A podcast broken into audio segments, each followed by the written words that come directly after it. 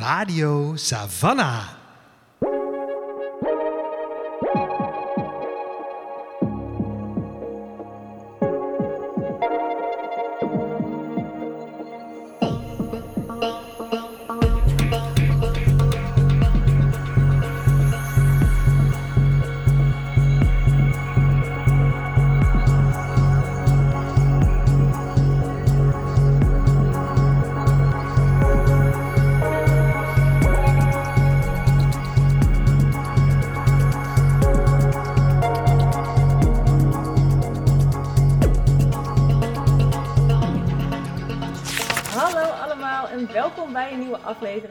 Radio Savannah, de podcast van Boekwinkel Savannah B.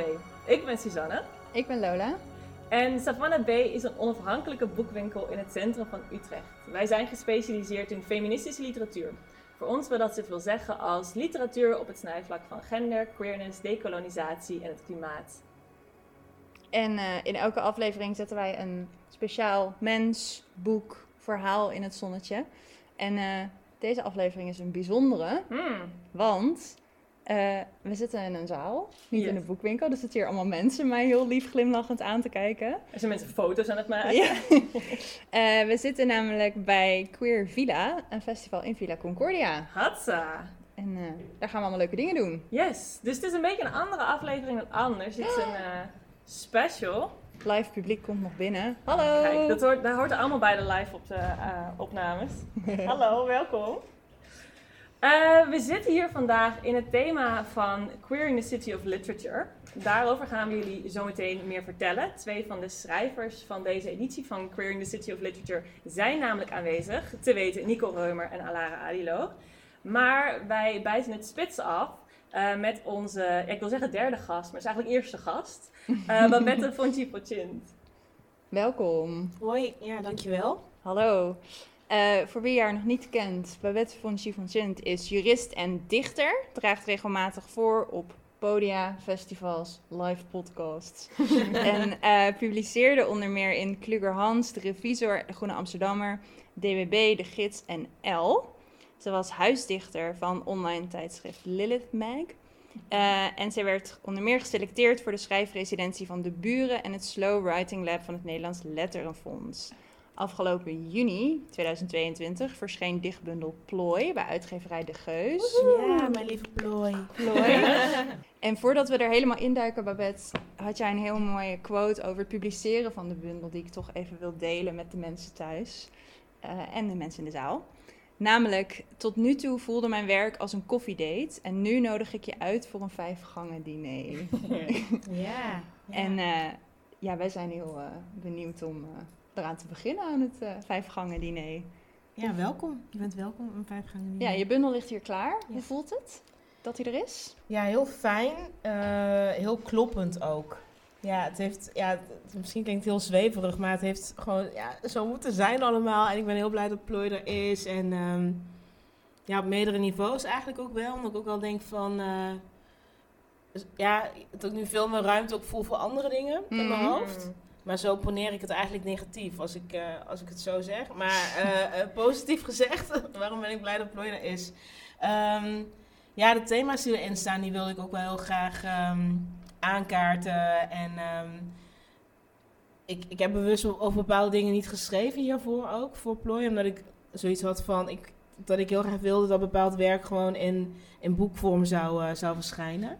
Ehm, en ik ben heel blij dat het gelukt is. En eh Plooi is precies zoals ik wil dat, eh, ja, Dat dat, het was. is. Ja. En dan dat het wat meer gewicht ook heeft in boekvorm voor je gevoel. Of een ander gewicht misschien. Ja, misschien een, een ander gewicht ook. En ook omdat ik denk van... ehm, nou, het is natuurlijk door één mens geschreven. Het gaat denk ik wel over de, de, de mens in het algemeen. Eh, dus in die zin dat het niet één op één autobiografisch is. Ehm, maar het is natuurlijk wel... eh waar bijvoorbeeld heel erg voor opstaat in de bundel... is dat het, dat het, een, dat het een queer persoon is die, die vaak aan het woord is. Dus ik vind het heel mooi dat die rode draad... zeg maar gewoon in alle gedichten terug te zien is. En dat als je gedicht X leest op pagina Z of zo. eh, eh, dat, je dan, dat je dan ook weet van, oh, hier refereer, hier refereer ik aan. Dus dat, ja, dat. Ja, nu ga ik natuurlijk vragen of je een gedicht voor wil lezen. Ja, dat wil ik wel. Ja. Even kijken. Ehm, heel toepasselijk voor, eh, voor de tijden waarin we leven. Voor als het hier te heet wordt. Eh, dat is de titel van het gedicht.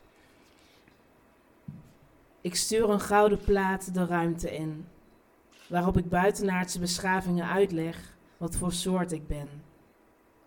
En zie het als een blackbox van de menselijke beschaving. Met natuurlijke geluiden. De branding, het gezang van een nachtegaal. Het refrein van Britney Spears. I'm not a girl, not yet a woman. Een ontploffende handgranaat. De laatste kreun van een olifant als zijn slagtanden worden afgesneden. Ook stuur ik plaatjes van de menselijke anatomie. Een zijaanzicht van een schepsel met zowel borsten als ingedaalde testicles. Op een ander plaatje een volgeborene met als afwijking de verkeerd genetisch gemodificeerde kleur ogen. Verder bevat de plaat gelukwensen in 55 talen, waaronder het Nederlands. Ik doe iedereen de hartelijke groetjes en vraag of ik op een dag welkom ben zonder het afleggen van een inburgeringsexamen. Dankjewel. Dankjewel. Dankjewel. Um, kun je een klein beetje context geven voor dit gedicht, waar het vandaan komt voor jou en wat je er, uh, hoe het in de bundel past? Mm, uh, even kijken. Nou, dit is wel zo'n gedicht waarvan ik dacht van, ja, moet ik schrijven of zo, van een gedicht dat ook wel redelijk makkelijk uitkwam. Um, omdat, omdat denk ik de dingen die erin staan ook wel zo, zo, zo duidelijk aanwezig zijn zeg maar, in de wereld waarin, we leven. Um, het, het uitgangspunt in het gedicht is, uh, is klimaatverandering. En ook hoe we als mensen hier op aarde zo bezig zijn met, um, met zoeken naar andere planeten om, om te gaan wonen voor als we het hier verpesten. En daar zit, natuurlijk, er zit natuurlijk iets heel scheefs in. Hè? Ook naar meerdere dingen. Eén, ten eerste, wie denken wij wel niet dat wij zijn als soort dat wij andere planeten soort van kunnen, kunnen veroveren. Um, dus dat, dat, dat, dat hebberige van, van de mens zit er heel erg in.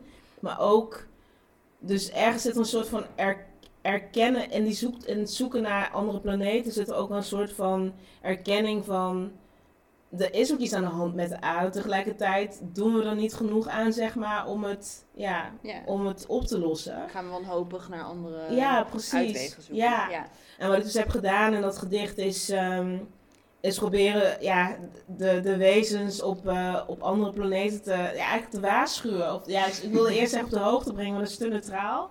Eigenlijk te waarschuwen ja, voor wat voor soort... Uh, ja, wat voor soort wij zijn. Wat te wachten staat. Ja, en daarom zitten we allerlei andere maatschappelijke thema's en um, ja, dus dat ja. is de context. Maar ja, sorry, ik breek gelijk in. Maar, want waar, waar ik ook heel erg aan moest denken aan uh, toen ik dit gedicht las, is naast zeg maar die, die arrogantie zeg maar, die je beschrijft, het mm. voelt ook best heel kwetsbaar. Omdat je, als je zo gaat opnoemen van hoe we onszelf zouden gaan voorstellen, dan denken we opeens van ja, een Britney Spears liedje of zo. We hebben meerdere talen. Ik doe de hartelijke groetjes. Het mm. voelt heel uh, breekbaar opeens ook, wie we dan zijn met z'n allen. Maar hoezo voelt het dan breekbaar? omdat het vanwege deze specifieke dingen die ik heb genoemd, voorbeelden? Of hoe, of ik snap de vraag niet helemaal. Nou ja, het is misschien ook niet zozeer, ja, het is eigenlijk wel een vraag om op te reageren. Ja, dus, um, want je zegt het, het getuigt eigenlijk van hoe arrogant wij wel niet zijn. Dat we mhm. denken van, oké, we hebben het hier kapot gemaakt, we gaan door naar de volgende. Ja. En dat zie ik er inderdaad in terug. Maar wat me ook, mij raakt ook bij het lezen is dat als de mensen dan gaan kijken van oké, we gaan de mensen of de aliens vertellen wie wij zijn. Mhm. En als je dan gaat nadenken wie we eigenlijk zijn, dan zijn we opeens zulke kleine ja. wegwerpdingen. Ja, ja, klopt. Ja, ja, in die zin voelt het, voelt het inderdaad heel kwetsbaar. Maar dan vraag ik bedoel, want jij bent je daar nu heel erg van bewust. Maar ik vraag me af of we dat eigenlijk gewoon in het algemeen wel hmm. uh, realiseren van onszelf. Want ik denk dat wij als mensen heel erg. Nou, maar goed, dat is dan misschien um, niet op individueel niveau zo, maar dat we als, als mensensoort wel denken dat wij een soort van uh, de top of the bill zijn of zo. Uh, en ik denk dat, dat bescheidenheid, nou ja, kan, kan zelden kwaad. Ehm, ja, je kunt er een doorslaande bescheidenheid, maar goed, je kunt dus ook doorslaan in een soort van arrogantie. Ehm, Ja. Ja, ja. ja. Ik denk sowieso, het is een mooi gedicht ook om voor te dragen hier, omdat het heel erg getuigt van een bepaalde ja, urgentie of drive of outspokenness, of een combinatie van al die dingen die ik heel erg in jouw bundel proefde. Eh, en wat soms ook heel erg haak staat op het beeld wat we van poëzie kunnen hebben als een soort zweef, intern, eh, Ja. lekker zo dit doen. Ja, ja, ja. Lekker aan mimen op de podcast. Ja, maar- ja, ja, ja.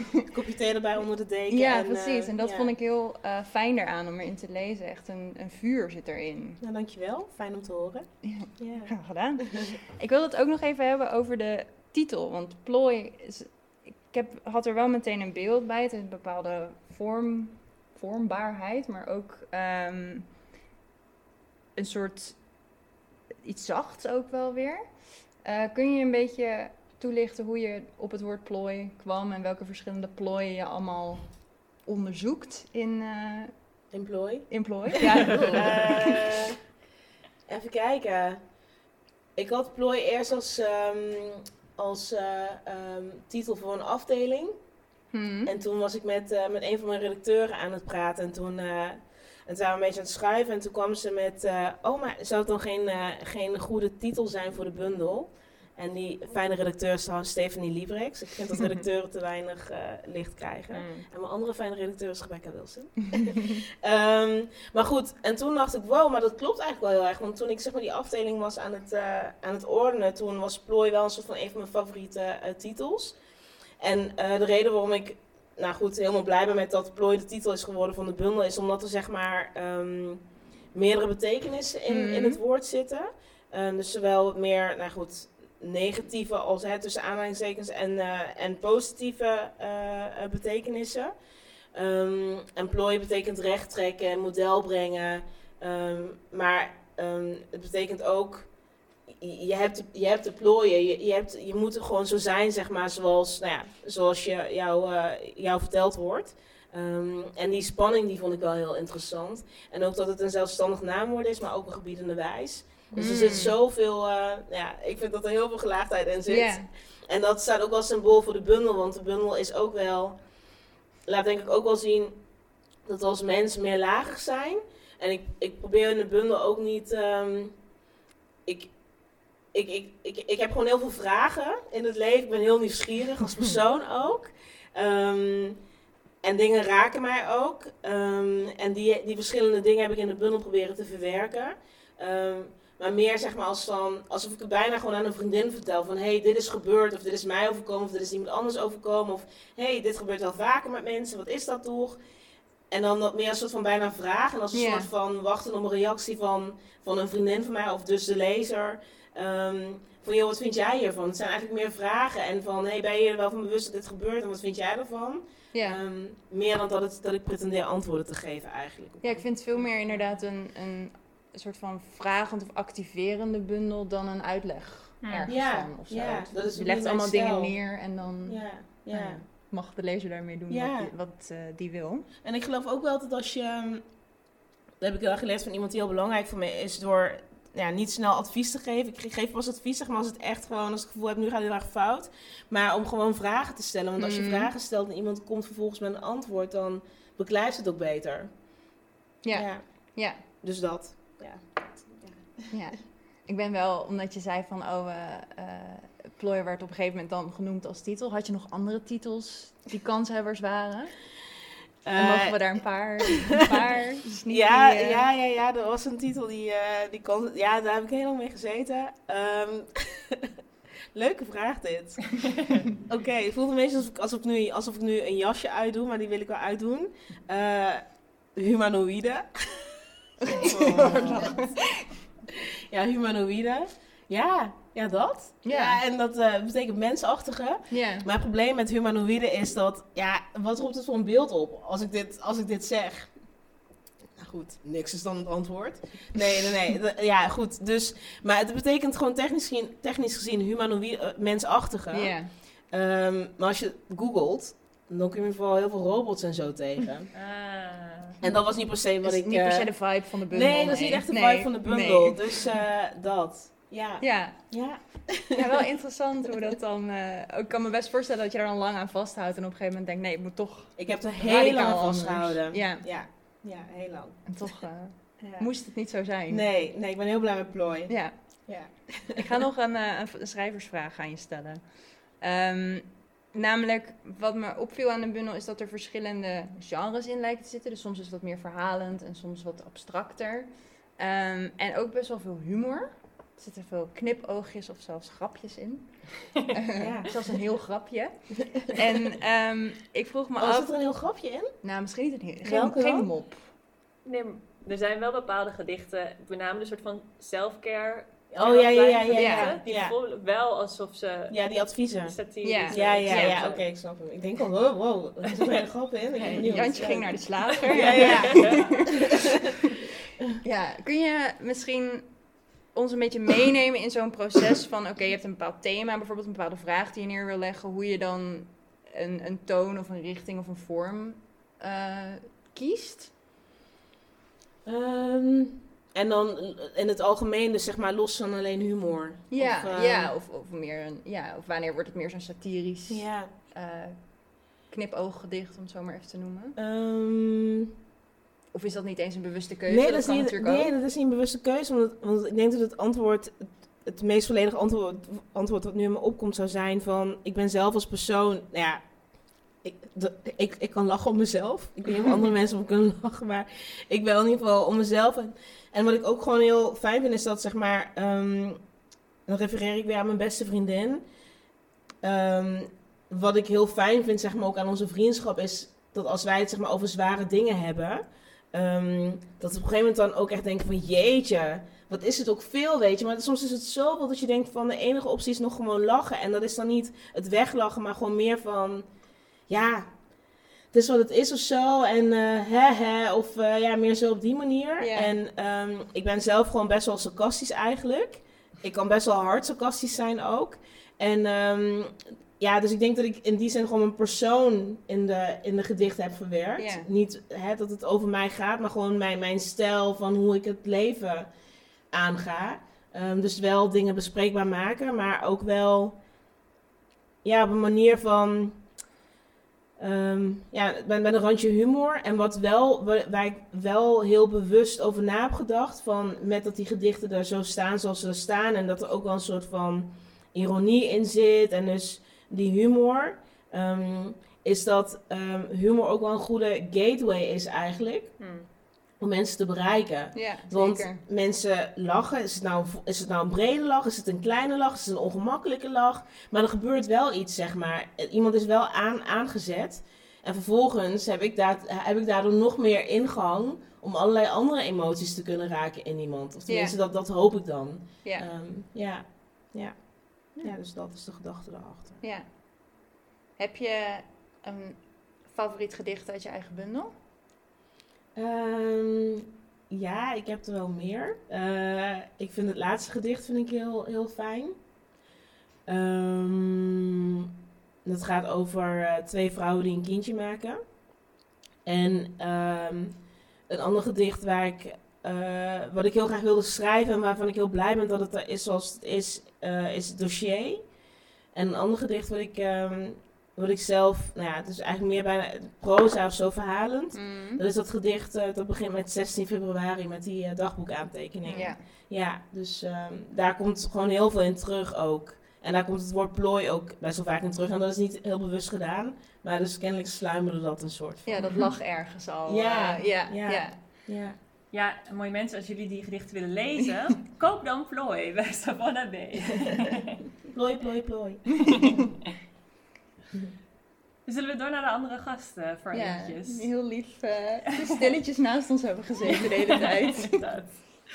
Maar Bert, we komen natuurlijk nog bij je terug. Ehm, maar laat ik dan nu de twee andere gasten hier aan tafel voorstellen. En ik heb ehm, een bio's mensen, want dit zijn actieve mensen. Ik begin met Nicole. Nicole Reumer eh, is schrijver en spreker. Maar ze is daarnaast ook coördinator van Neighborhood Feminist. Een intersectioneel feministisch collectief in Amsterdam Zuidoost. Die zich inzet tegen menstruatiearmoede in Amsterdam. En is columnist bij Radio B-programma van Savannah B, bestuurslid bij Black Pride NL en freelance D&I consultant, Diversity and Inclusion Consultant. Ja, klopt.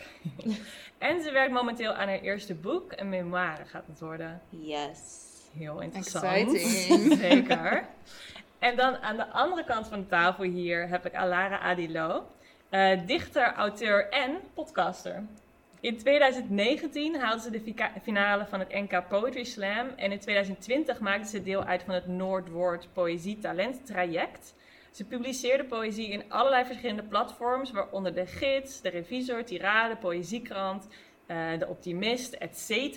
En afgelopen april verscheen haar debuutbundel Mythen en Stoplichten bij uitgeverij Prometheus. Eh, en ze is in 2022 ook geselecteerd voor de Public in Residence eh, voor de queer en transgender gemeenschap in Museum Arnhem. En naast al dat schrijven is ze dus ook podcastmaker.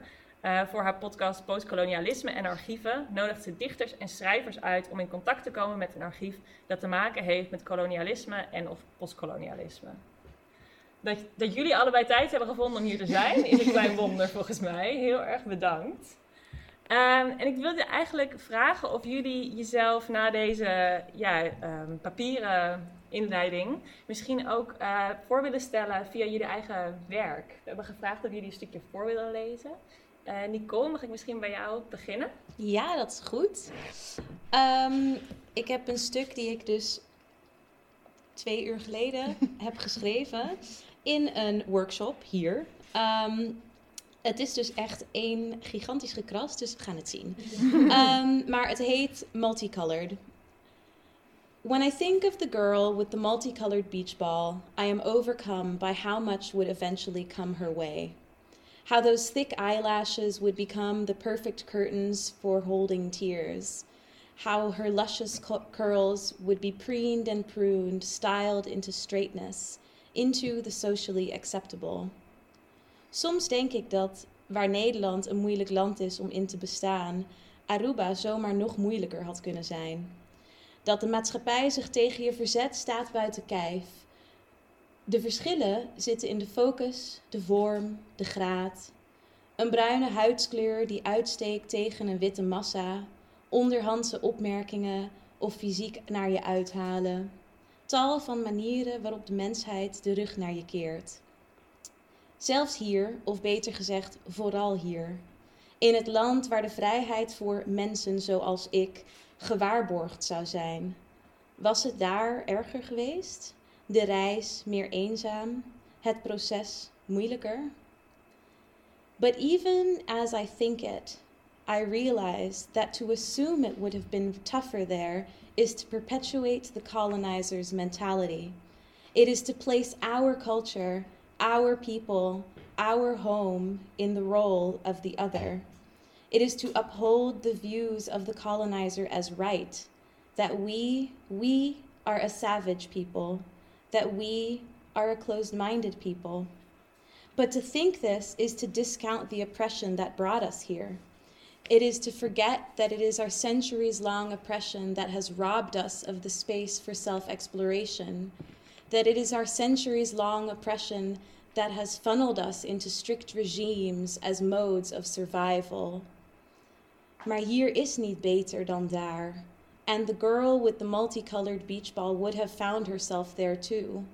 On a road that wound differently, paved by the carcasses of ancient trees, a road lined by cacti, a journey no less frightening or sad, thick eyelashes still curtaining rolling tears, but a journey different than here.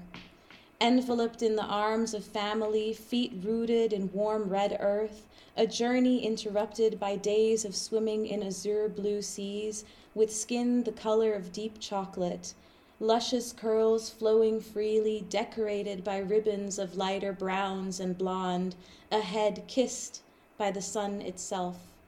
She'd have fallen in love there too, had her heart broken.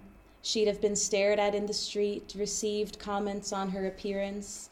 She might have found they were also a they, though it may have required more time. They would have carved her space, found a place, and that place would have been home.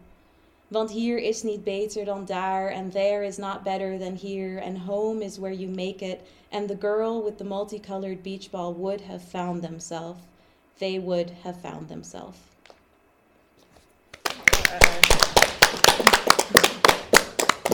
Dankjewel, Nico. Graag gedaan. En Lara, mag ik jou ook vragen je voor te stellen via je tekst? Ehm, ik ga een gedicht voordragen met de titel Schenk mij een taal waarin ik genderloze verhoudingen kan aangaan met de wereld. Mijn haar zoals Tina in de muziekvideo van What's Love Got To Do With It. Wie heeft een hart nodig als een hart zich zo makkelijk laat verleiden door taal? Ik heb te veel blush op en met gouden highlighter ben ik de bastard, bastaarddochter van Hera. Rond half drie haalt Rutte een passant uit een kooi, slacht hem en draagt het kadaver als hoofdtooi. Na een paar glazen champagne en onnodige en oppervlakkige identiteitsuitwisselingen mag ik hem leuken en daar ben ik dankbaar voor. Want hij is de gladrijke, heilige minister-president al 13 jaar lang, iets om trots op te zijn en hij heeft mooi wit die zacht zijn en onschuld uitstralen. Hij streelt het litteken onder mijn siliconenborsten, bloemen, bruine Eva Maria, lichtbruine Maria Eva, die ook een valus draagt. En daarom ben ik dubbel heilig voor deze witte patriarch. Terwijl ik Rutte doggystyle neem, klaagt hij hijgend over Sylvana en een paar tranen vallen in de schaduw van de vaas voor rosse gerbera's. Zelfs een wolf kan in Nederland minister-president worden, als je maar de juiste mensen opeet. Marken bij mijn vetjes, die hoge naaldhakken staan je goed, gipgroen staat je waanzinnig. Mijn hete sissy-sletje en mijn macho alpha wolvensputten rollen keurig, onkreukbaar. Je gedaanteveranderingen op de nieuws zijn fabelachtig. Je bent mijn zonnekoning. Die troop me, Dutch 5. We dwalen door de mist in ons. De mist is als een stem. We een korte pauze nemen, mag iedereen een liedje kiezen. Marquis Rooker Leader. Ik speel Tupac's Troublesome 96. Of my ways, mentality is ghetto. A gorilla in this criminal war. Real rebels. Rutte en Wilders klagen over de agressie, de criminaliteit. Ik begin over illegale nederzettingen in Gaza. Het is stil, of beter gezegd, een engel veegt een tocht uit de kieren van onze gevoelens. Rutte is extatisch, extatisch en wil meer. Ik ben moe. De nacht krabt zichzelf open. Het licht vergult ons. Wauw. Dankjewel, Lara. Ehm, we zitten hier eh, met z'n allen aan tafel en we zijn hier met z'n allen uh, in Villa Concordia in het kader van Queering the City of Literature. Uh, voor de mensen die dat misschien nog niet kennen, uh, dat is een jaarlijks evenement dat Savannah B organiseert, waarin we de thema's uh, verkennen van queerness, het lichaam en de stad. Hoe verhouden die drie zich tot elkaar? Hoe kunnen we via literatuur dat, dat beter begrijpen, daar woorden voor vinden? Hoe kunnen we het daarover hebben? En uh, Nicole en Alara, dit jaar hebben jullie allebei de opdracht gekregen om daar teksten over te gaan schrijven. Um, kunnen jullie misschien vertellen um, hoe dat voor jullie was? Hè? Thema's waar jullie in je werk sowieso al veel over nadenken, over werken. Was het iets heel nieuws voor jullie om hier aan te gaan zitten? Alara? Um, ik denk wel, zeg maar, dat van. Ik, ik, ik woonde eigenlijk nog niet zo lang in Amsterdam, dus dat speelde wel echt een rol. Mm. Ik heb best wel veel over kleinere dorpen gewoond of zo. Ik was ook een duur dan in Friesland. En dan, ik denk dat het Sneek was of zo. En dan is Amsterdam wel gewoon een hele andere plaats. Dus ik denk wel dat dat heel erg naar de voorgrond gekomen is. En anderzijds dacht ik ook heel veel na wat je naar de stad meeneemt, wat persoonlijk is. Of zo. Hoe zeg maar, de stad toch wordt gevuld met persoonlijke ervaringen of gebeurtenissen. Dus ik heb toch ook mijn moeder in geschreven. Zo. Mijn moeder woont niet in Amsterdam, maar haar afwezigheid was toch ook deel van, zeg maar, queer in the city, of een leven in de stad Amsterdam als een persoon. Ik denk dat het een heel ander soort verblijfplaats, verblijf, verblijfplaats zou zijn als ik een andere vrouw dan mijn moeder. Dus ik, ik zat daar heel erg voor na te denken. En waar ik eigenlijk ook heel erg over na te denken tot hoe verder zeg maar, de stad waar je zit invloed hebt over leven. Zeg maar. Ik was echt, ik voelde me veel beter in Amsterdam, dat het een stad is. En als ik daar was, had ik dat mensen naar me keken, wat ik in andere steden soms wel had. En eigenlijk had ik echt steden waar ik niet naartoe wou gaan. Dus, Mm. en toen ik erover begon, na te denken, dacht ik ook even, oh ja, maar misschien moet ik ook schrijven over andere steden, hoe het daar is, ik me daar voel of zo. Mm. Ja, dus de stad en de stad waar je in bevindt, of waar je je juist niet in bevindt, heeft dan een grote invloed op hoe je je voelt, hoe je schrijft. Ja, toch wel. En ook heel Ja. veel gewoon gemeenschap of zo. En Ja. Mm. andere mensen zoeken, zeg maar in Amsterdam daten of zo, dat dat Ja. heel anders is dan bijvoorbeeld in Groningen of in Antwerpen. En dus ik zat daar ook wel heel erg veel mee. En ik denk dat ik ook al gewoon een beetje zo'n soort van het dagelijkse leven weer schrijven. Een keer hoe ze leven, daar wil je dood gaan. Niet alleen hoe je ervaart dat, maar gewoon echt waar je mee geconfronteerd wordt. Mhm. ja. ja. Hoe was het voor jou, Nicole? Ja, ik vond het. ehm, het was heel interessant, ehm, omdat het eigenlijk een, een periode is waar ik al een tijdje niet op terug had geblikt. Ehm, ik ben dus, eh, zoals je uit dat vorige gedicht misschien een beetje had meegekregen, eh, op Aruba geboren, op Curaçao opgegroeid. En ik ben op mijn achttiende naar Utrecht verhuisd voor mijn studie. Ehm, en het was pittig. Het was, eh, het was heel leuk. Ik was heel blij om hier te zijn. Maar het was wel heel erg ehm, je realiseren dat je hier anders dan anders bent. Omdat je Nederlands spreekt, maar net op een andere manier. Ehm, omdat je je talen door elkaar spreekt. eh, omdat je er anders uitziet. En dat heeft gemaakt dat Utrecht me heel dierbaar is. Maar dat het ook gelinkt is eigenlijk aan een aantal hele, hele moeilijke jaren in mijn leven. Ehm, en ja, bij het nadenken over queering the city of literature en, en wat is Utrecht voor mij en wat is mijn queerness voor, me, voor mij, ehm, merkte ik toch dat, die, dat, dat, dat de thema's soort van allemaal aan elkaar gelinkt zijn voor mij. Ehm, hoe ik discriminatie heb ervaren in Utrecht, ehm, valt voor mij samen met mijn queerness en met ja, dat ik van Curaçao kom en, en met mijn hele alles wat mij maakt wie ik ben. Mm. Ehm, dus dat was heel mooi, maar ook confronterend natuurlijk om, eh, om echt helemaal in de diepte te gaan kijken van oké, hoe schrijf ik dit op?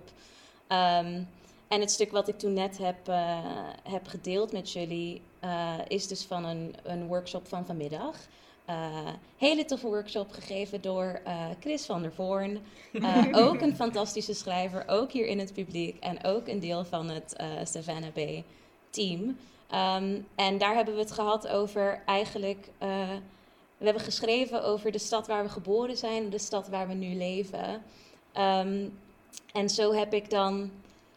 Ik dacht van oké, dit is interessant, want wat ga ik misschien qua andere queer insteek vinden? Maar uiteindelijk is ook in dit stuk ben ik dus in dezelfde thema's blijven hangen. Mm. Wat voor mij wel eh, een beetje bevestigt wat ik al voelde. Namelijk, het is allemaal intersectioneel en het hangt allemaal samen. Ja. Ja. En Babette, eh, deze thema's, jij hebt die opdracht niet eh, zo expliciet van ons gehad. Maar zijn, zijn dit thema's die jij herkent in je eigen schrijf, in je eigen werk? Eh, queer, zeg maar, queerness en eh, de stad en het lichaam. Ja. Ehm, nou ja, queerness op zich een beetje. Maar nee, best wel veel natuurlijk. Employ. Want ik gaf ook net aan het begin van de, van podcast aan dat, dat employ dat in heel veel ge- gedichten de ik-persoon een, een queer persoon is. Dus ja, dat, ehm, ja, dan staat wel buiten kijf dat dat, dat thema in mijn, eh, in mijn werk verwerkt is. Ehm, ik zat te denken over de stad, want wat ik wel eh, wat ik zat te denken is dat eh, als, ik- als ik refereer aan een stad in Nederland, dan is het wel vaak Amsterdam. Mhm. Ehm, nu lijkt het alsof er echt in elk gedicht iets over Amsterdam staat. Dat, dat, dat is niet zo. Maar het, het, ja, het, het viel mij wel op. Maar ik woon in Amsterdam. En ik ben zeg maar zo'n irritante Amsterdammer, Amsterdamse inwoner die daar net, weet ik veel, vier jaar woont. En nu doet alsof er niks buiten Amsterdam is. Ehm, ja, en dat, dat merkte ik wel in mijn poëzie. Meer op dat niveau dan een soort van op een groter niveau. Dat dacht van, oh, Amsterdam is het epicentrum van, eh, van alles. Ehm, ehm, ja, dus, dus in die zin, eh, dat ik denk van ja, en als ik in Parijs had gewoond, had ik dan Parijs zeg maar meer erin verwerkt. Of, dus dat vraag ik me gewoon nu af. Ehm, Misschien ook een beetje in lijn met wat Alara zei van waar je woont, vormt Ja. je natuurlijk gewoon en dat neem je mee je werk in. Ja, dat denk ik. Ja, de- maar het zijn wel, zeg maar, als ik aan plek, want ik heb het ook over Antwerpen in mijn bundel en ik heb het ook over eh, plekken in, in Cameroen. En het zijn wel allemaal steden. Het zijn wel allemaal steden. Ik- ja, dus eh, ik, ik, heb, ik heb volgens mij geen dorpen in mijn, eh, in mijn bundel. maar goed, dan kan ik het misschien in een, in een volgend boek wel verwerken. We doen een soort eh, queering de dorpen. Of Ja, zo. ja, Zo. precies. Ja, dat, eh, dat dat misschien nog een soort van eh, ja, nieuwe opdracht zou kunnen zijn. Eh ga ik over nadenken. Ehm, en het lichaam, wat ik dus wel interessant vind, is dat ehm, eh, een vriendin van mij die eigenlijk helemaal niet zoveel poëzie leest. ehm voor plooi zei ze tegen mij, Babette, ik heb het idee dat er heel veel lijfelijkheid in jouw poëzie zit. Mm. Ehm, en dat klopte toen wel, want ik, ik denk dat ik toen het lichaam ook wel gebruikt als uitgangspunt voor, voor veel dingen toen. Ehm, en dat is nu denk ik minder expliciet een plooi. Maar ik denk dat er wel een bepaald soort lijfelijkheid in zit. Maar dat het wat, eh, wat subtieler is dan, eh, dan in voorgaande gedichten. Mm. Ja. Ja. Dus heb ik alle drie thema's getackled, toch? Zeker. Zeker. Ik luister wel naar opdrachten, als je, als je ze me geeft. En als we nou die drie ehm, thema's bij elkaar leggen, het zijn vrij abstracte thema's, maar jullie geven eigenlijk allemaal aan, ze zijn wel vormend. Voor sommigen hangen ze meer expliciet met elkaar samen. Jullie zijn schrijvers. Eh, ik ben dat niet. Dus het, mijn eerste reactie met een ervaring zoals iets is niet direct, ik ga daar eh, dat poëtisch vormgeven. Eh, maar ik kan me zo voorstellen dat voor jullie poëzie een goed middel is om dat te gaan verkennen, om daar betekenis aan te kennen, om daar structuren in te vinden, om daar schoonheid in te vinden of troost of wat jullie ook uit jullie poëzie halen. Kunnen jullie iets vertellen over de rol van, van literatuur daarin voor jullie? Ja, expressie. Ehm, ik merk toch wel ehm, dat het, zeg maar, schrijven en, en ook lezen eigenlijk, ehm, maar ik ben voornamelijk schrijver. het is toch een manier voor mij om dingen te verwerken of zo. En het grappige daaraan is dat ik, ik heb heel lang een soort van dagboekformat geschreven van vandaag, weet je, ging ik naar de supermarkt en puntje, puntje, puntje. Ehm, en nu heb ik dan soms dat ik dat ga doen, maar dat het toch altijd terugkomt op een soort verhalende vorm met een gedicht er doorheen. Het wordt allemaal een soort van een stuk, wat je zou kunnen voordragen met een beetje opschonen en opfrissen natuurlijk. Maar ehm, zo begin ik te merken dat ik dus blijkbaar door de jaren heen toch meer grijp naar schrijven en literatuur als vorm van ehm, ja, verwerken en, en, en expressie. Hmm. Dus dat is het voor mij heel erg. Ja. Herkennen jullie dat? Of Alara, herken jij dat bijvoorbeeld? Ik denk wel, zeg maar, dat wat voor mij wel echt heel erg waardevol was, is dat ik dan dat ik me terug kon trekken en die ruimte die poëzie bood en voornamelijk misschien ook de bundel om zeg maar, te, te tasten naar gevoelens of overwegingen te maken en daar heel rustig over nadenken. En ik denk altijd van dat je misschien helemaal met queerness of van waar komt het of hoe, hoe sta je er tegenover. En als je dat ook in woorden brengt, dan, dan wordt wel heel vaak gezegd van oké, maar spreek het uit of zo. Als je iets probeert te verwoorden, dat dat gewoon heel erg waardevol is. En dat er wel echt gewoon heel veel facetten zijn van het queer zijn of ervaringen die je hebt, gewoon dagelijkse ervaringen. Of misschien juist meer innerlijke dingen. En dan dat je dat toch in taal probeert te materialiseren. Hmm. En ik denk dat poëzie daar heel goed voor is, omdat het een heel erg flexibele eh, literaire vorm is. Waar je, waar je dus heel veel mee mag en waar je heel veel regels mee mag breken. En waar je heel veel sprongen mag maken en die niet heel erg veel structuur hebben.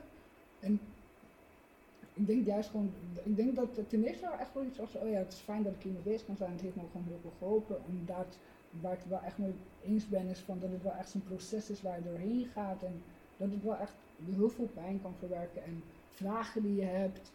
En ik denk dus voornamelijk poëzie dat je ook gewoon denkt, oké, je mag ook gewoon je eigen ding doen of zo. Mhm. soms als je een essay schrijft, is er misschien meer onder zo van, oh ja, maar je moet wel hier aan voldoen. En, en ik denk ook van dat, dat men onderschat hoeveel een gedicht op een essay lijkt of zo. Van, las echt wel heel veel queer theorie of zo, sowieso Judith Butler en feministische theorie zoals Ira of en dat je toch wel heel erg in de diepte brengt. Je wordt echt wel door de oppervlakte heen. Ik denk dat dat het meest gevaarlijkste is. En helemaal met queer representaties en over queer spreken van er zijn zoveel verschillende fenomenen, zoveel representaties en items Dus om een kern te bereiken en ook om originaliteit. Dus echt individualiteit.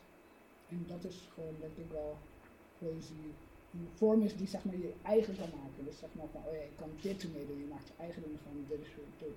Ik denk dat wel heel veel invloed had bijvoorbeeld van muziek, soulmuziek, mm en dan mhm. jazz, van een Simone, en ook gewoon hip-hop. En dat het wel echt een hele flexibele uitgangsfunctie, dat wel heel erg fijn is en leuk. Ja. Heel erg leuk vooral. Hey, ja. Okay. Um, moment mag ik jou misschien net een iets andere vraag stellen. Ja, dat mag. Ben benieuwd. Uh, ik heb namelijk, uh, we hebben nog een citaat wat we hier, van jezelf, wat we hier weer oh, voor gaan leggen. Spannend. We hebben een beller. um, Babette, jij, jij zei ooit onder andere het volgende. Ik heb ontdekt dat als je iets deelt met mensen, je dan soms ook openheid terugkrijgt. Ik had gewild dat deze bundel bestond toen ik jonger was. Ik had er veel steun aan kunnen ontlenen. Maar ik wil ook dat mensen de literaire waarde van mijn werk zien. Het is een kunstwerk. Dus je, en uh, we vroegen ons nou af, nu we het hebben over queerness, het lichaam en de stad, mhm. hebben we het heel vaak over, ehm, is er wel ruimte? Of, of, staat de stad wel ruimte toe voor het queer lichaam? Um, wordt daar ruimte voor gemaakt? Is die openheid er? Is er als we bijvoorbeeld literaire teksten uh, of een queer avond organiseren of literaire teksten door de stad gaan verspreiden, geeft die stad dan die ruimte daarvan? Is er die, die dialoog, dat heen en weer gaan? En, ja, ja. Uh, die soort van kwetsbaarheid die daar ook zo uh, in de publieke ruimte bestaat, die voor queer lichamen, queer mensen, uh, om in te nemen. Bijvoorbeeld, misschien ben ik aan het reach hoor, maar wat ik las uit, uit, uit wat je hier zegt, is ook dat als je iets deelt, dat er dan een soort openheid ontstaat dat als je zelf iets creëert, mhm. bijvoorbeeld literatuur, poëzie, en dat de stad inbrengt, dat, dan er, dat dat ook ruimte creëert. En dat mensen daarop reageren, dat er dan een soort kwetsbaarheid en openheid ja, ontstaat. Ja. Ik denk dat ik het misschien lastig vind om de stad dan als, als ruimte te nemen, omdat het voor mij een beetje beperkt voelt. Maar als de stad symbool staat voor de maatschappij en de mm. wereld, dan, dan kan ik denk ik wel, dan kan, begrijp ik denk ik beter wat je, wat je bedoelt. Ehm, en dan blijf ik wel staan achter wat ik, denk ik, twee maanden geleden zei. Um, dus dat als, je, dat als je iets deelt, dus of het nou zeg maar een poëzievorm is, of proza-vorm, of muziek, of whatsoever, um, dat, je, dat je wel iets kan raken bij een ander. en dat, dat raken kan ook al misschien zorgen voor openheid. Hè? Openheid in, in, in de vorm van stilte. Dus dat iemand misschien later die avond in bed ligt en denkt van... hé, hey, oh, dat was interessant wat, wat die persoon mij verteld heeft. Maar het kan ook openheid zijn in een heel actieve vorm. Dus dat iemand denkt van... oh, wauw, wat bijzonder dat jij dit met mij deelt. Ehm, ja, ik, ik wil ook graag iets delen met je. Mhm. Ehm, dus ja, dat is dan heel op, hè, op, wat meer gespreksniveau tussen twee mensen. Maar ik geloof ook wel dat het dus op wat, wat groter niveau kan, uh, uh, kan zijn ja, dus de stad of de, of de maatschappij. En um, bedoel, je merkt het ook wel een beetje met Instagram, hè, dat mensen natuurlijk ook wel steeds meer delen en zo. Maar goed, we kunnen daar ook een soort van in doorslaan. Want wanneer is, is het dan nog echt delen of is het dan delen zeg maar, om een bepaalde aandacht te krijgen? En hoe erg is het eigenlijk om die aandacht te krijgen? Snap je? Dus dat zijn dan weer, dit zijn dus die vragen waar ik dus zeg maar mee zit in mijn, in mijn leven. Uh, dus ja, dat. Dankjewel. Nou, helemaal in de stijl van je bundel. Laten we vragen blijven stellen. Ja, ja. Niet pretenderen de antwoorden te hebben. Ja, precies. Dank je. Ik ben aan het kijken naar de klok en ik denk dat we zo af moeten gaan ja. ronden. Ik denk, we hebben nog een laatste uh, klapper van een vraag. heel veel uh, druk op gaan leggen. Want jij zei net bij Beth als ik die stad een beetje metaforiseer, dan kom ik er wel uit. Maar een deel van, uh, van Queer in the City of Literature is ook dat we met de teksten van Nicole, van Alara, daadwerkelijk de stad ingaan. Mhm. En die teksten daar ophangen. Nou, dat gaan we allemaal doen met deze mensen hier en alle andere lieve publieksmensen die nog uh, binnenkomen druppelen. Maar mijn vraag aan jullie alle drie eh, is eigenlijk: heb je een plek als je denkt, oh, daar zou ik wel mijn werk, mijn verhaal, mijn tekst in de stad op willen hangen of projecteren? Weet ik veel, think big. Ehm, wat zou dat zijn? En dat mag dus zijn eh, de Domtoren hier, maar ook eh, het steegje om de hoek bij je huis of onder een regenpijp. I don't care. Maar heb je een soort van beeld daarbij van als ik fysieke ruimte in zo'n stad met mijn werk in mag nemen, hoe zou die eruit zien? En het mag dan ook, het hoeft niet per se een, eh, in een gebouw te zijn. Nee hoor. Want ik denk dat ik dan zou kiezen voor een plek in Amsterdam. Maar het mag dus ook een plek in Utrecht zijn. Het mag, echt, het mag ook Brazilië zijn. Want je hebt die plek overal namelijk op de wereld. eh, waar mensen gay mogen zijn. Ehm, ik denk dat ik dan zeg maar de hoek zou kiezen. eh, op, de, die, zeg maar op de hoek van, van de straat van de Dwarsstraat.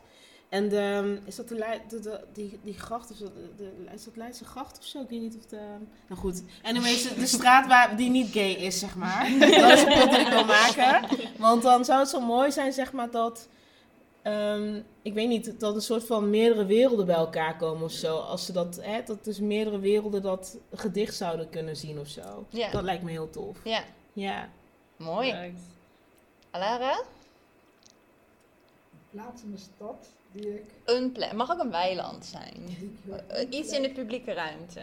die heel belangrijk is. Nou, waar jij graag met je werk zou willen zijn. Ehm, ja, ik denk wel, zeg maar, aan publieke ruimte denk ik al wel heel erg naar, heel erg aan culturele ruimte. Ja. Mm. Ik ben ook natuurlijk deel van het museum Arnhem en daar doen ze nou nu een keer expositie en ik denk dat heel vaak toch ook gesprek terugkomt op het feit van oké, het is belangrijk dat er in een museum een queerkunst hangt en dan wordt gevraagd oké, hoeveel queerkunstenaars zijn er, hoeveel trans kunstenaars zijn er en die zichtbaarheid en wel echt van, we hebben het ook over decolonisatie, maar het zijn natuurlijk ook dat soort ruimtes waar we meer representatie van queerness moeten Mhm. hebben. Ja, ik ben eigenlijk bibliotheek zeg maar, ik denk musea zijn ook heel erg belangrijk en ze zorgen van oké, dat daar echt wel gewoon meer, meer zichtbaarheid is en meer openheid en ik denk ook van dat het voor mij wel heel erg belangrijk is dan dat er een soort, zeg maar, dat je het makerschap ergens is. Zo. Dus Mm. in die zin is dat dan, ja, die Ja. echt een perfecte voor. Mooi. Nicole. Ja, ik heb twee spicy plekken. Eén is in Utrecht en dat is eh, bij Neuden. Volgens mij, dat is tegenwoordig een bibliotheek, dat Mhm. gebouw. Ehm, nou, mijn stuk voor Cuticle gaat over een, een ervaring die ik heb gehad in Utrecht met een specifieke persoon. Ehm, en dat heeft dus plaatsgevonden bij Neuden, bij de bushalte ongeveer. Dus ik zou heel graag een stuk, misschien dat stuk, willen projecteren op de bibliotheek, maar op alle vier de kanten aan de helemaal buitenkant. Gewoon helemaal rondom. Ja, gewoon echt ervoor gaan.